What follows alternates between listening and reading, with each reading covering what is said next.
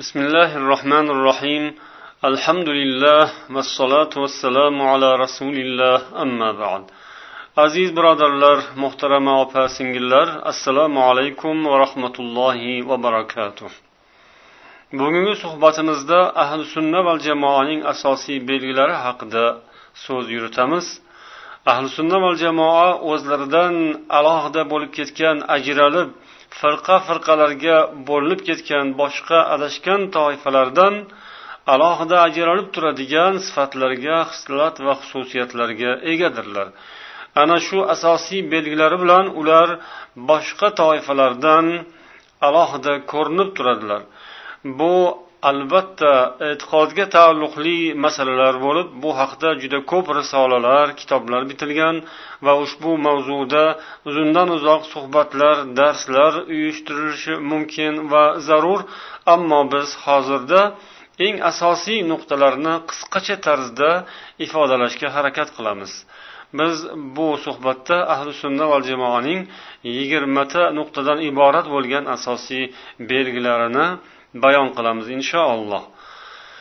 Ana shu xususiyatlarning birinchisi ahli sunna va jamoa din asoslarini olloh va rasulining so'zlari ustiga quradilar. Ular asosiy qonun qoidalarni dindan deb bilgan masalalarni kitob va sunnatdan oladilar va mana shu ikki manbaga butkul taslim bo'ladilar. Mana shu ikki manbani tushunish unga amal qilishda esa salafi solihlarning manhajlariga yo'llariga rioya qiladilar. Ular kitob va sunnatni o'zlariga imom qilib oladilar va bunga amal qilish bularni tushunishda esa salaflarning tafsirlari sharhlari ularning tushunchalarini muqaddam tutadilar. Ana o'shalarga salaflarga ergashadilar. Sahobalarning yo'llariga ergashadilar ikkinchi nuqta ahli sunna val jamoa nas hujjatlarni ya'ni qur'on oyatlari va hadislarni ma'lum bir masalada kelgan oyat va hadislarning barchasini to'plab yiqqan holda xulosa chiqaradilar. Agar bir masala xususida xulosa qilish kerak bo'lsa shunga doir bo'lgan barcha oyatlar va hadislarni jamlaydilar keyin xulosa chiqaradilar. Mutashobihlarni esa muhkamlar hukmiga qaytaradilar.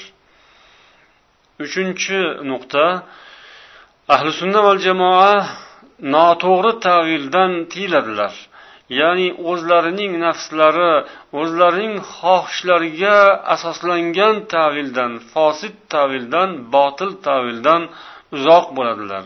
Ular shariat hukmida shariat yo'lida aqldan naqlni ustun qo'yadilar aqlni naqlga tobe qiladilar.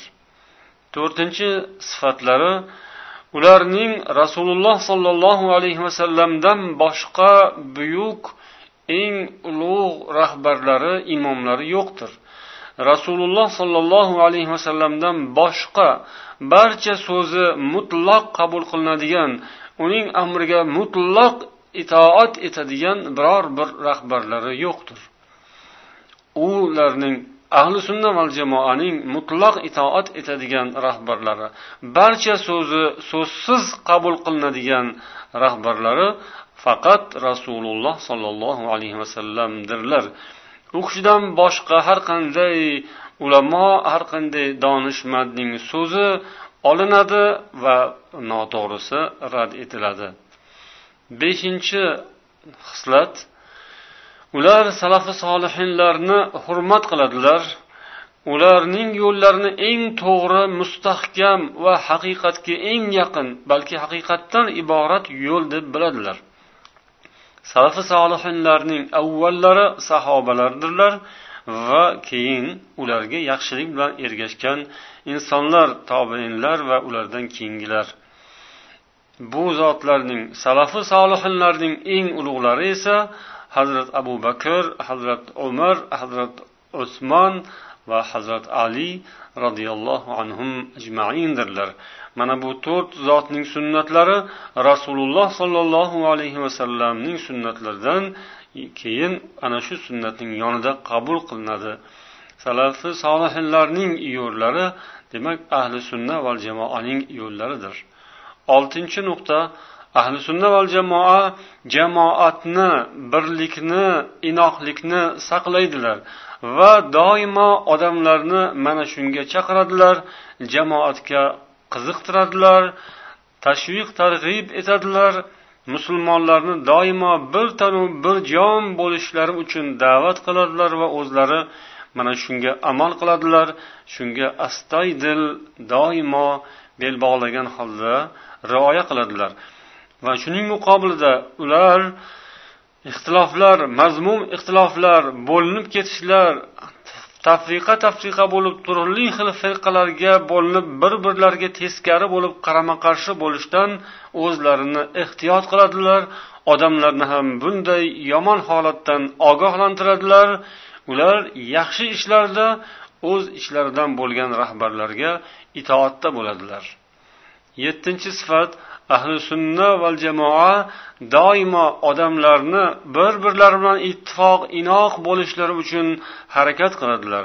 Insonlarning o'rtalarini isloh qilishga kitob va sunnat asosida bir birlari bilan inoq bo'lib yashashga o'rgatadilar va shunga harakat qiladilar. Sakkizinchi nuqta. Ular islom sunnat va jamoat so'zidan boshqa narsa bilan o'zlariga nom qo'ymaydilar. Ya'ni aqidaviy jihatdan boshqalardan ajralib turadigan nomlari ularni aqida e'tiqod jihatdan boshqalardan ajratib turadigan nomlari musulmon yoki ahli sunna val jamoa degan nom bo'ladi xolos. Undan boshqacha nom bilan aqida jihatdan ajralib turmaydilar. Ular shartli ravishda o'zlariga olgan ba'zi ismlar ba'zi shiorlar yoki o'zlari mansub bo'lgan jamoatlar yoki qandaydir bir maktablarga taassub qilmaydilar. Mana shu sanalgan narsalar ya'ni o'zlariga shartli ravishda biror bir ism qo'yishgan bo'lsa masalan mazhablar mm, misol qilinishi mumkin. Yoki shiorlar bir muvaqqat vaqtinchalik shiorlar bilan chiqishgan bo'lsa yoki muvaqqat bir kichkina jamoalarga mansub bo'lib turgan bo'lsalar yoki qaysidir bir ustozga shogirdliklari bo'lib turgan bo'lsa mana shu tarzdagi mansubliklarning birontasiga taassub qilmaydilar.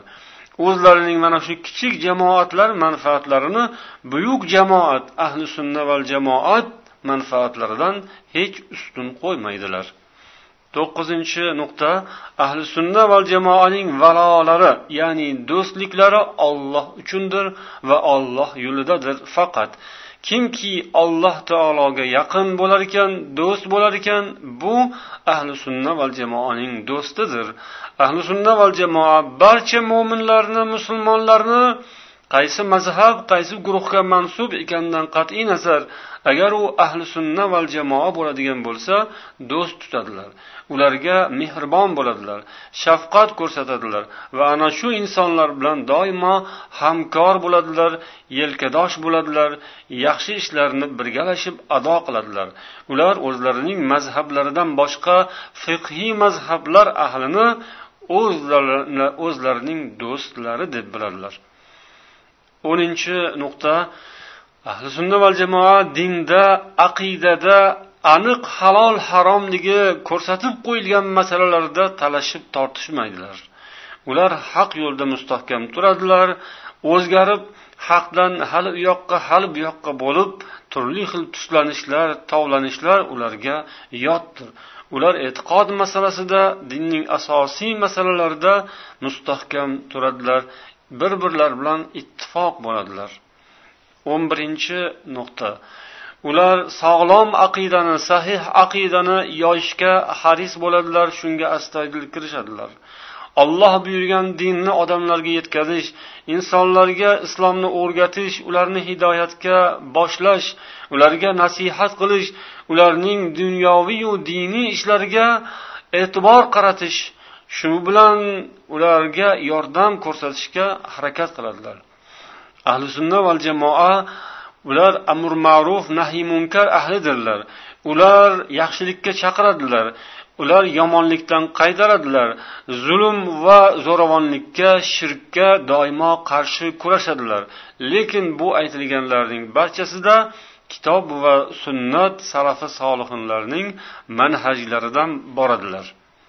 O'n ikkinchi xislatlari ular ilm va ibodat hamda amal o'rtasini jamlaydilar. Ular allohga tavakkul qilish bilan dunyoviy asbob chora tadbirlarni o'rtasini jamlaydilar. Ular xavf va rajo o'rtasini yaxshi ko'rish va nafratlanish o'rtasini jamlaydilar. Ya'ni me'yori bilan o'rnida yaxshi ko'radilar o'rnida yomon ko'radilar. Ular mehribonlik muloyimlik bilan shiddat qattiqqo'llik o'rtasini jamlaydilar.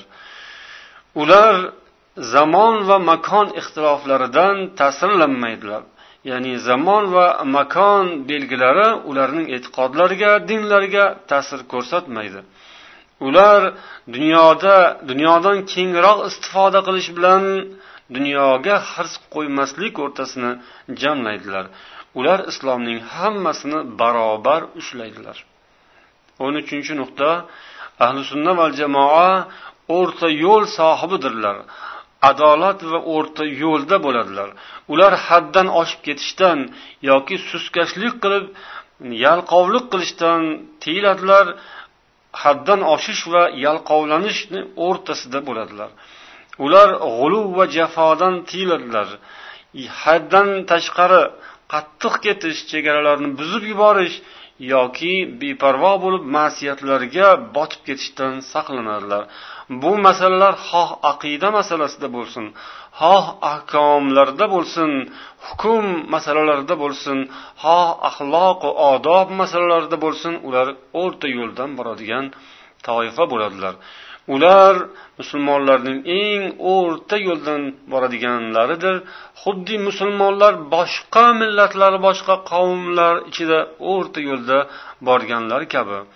Ular doimo ahli sunna ahli sunna val jamoa amr ma'ruf nahiy munkar ishda ham ommani da'vat qilishda ham o'rta yo'lni tutadilar. Haddan oshib ketmaydilar yoki nuqsonlarga yo'l qo'ymaydilar.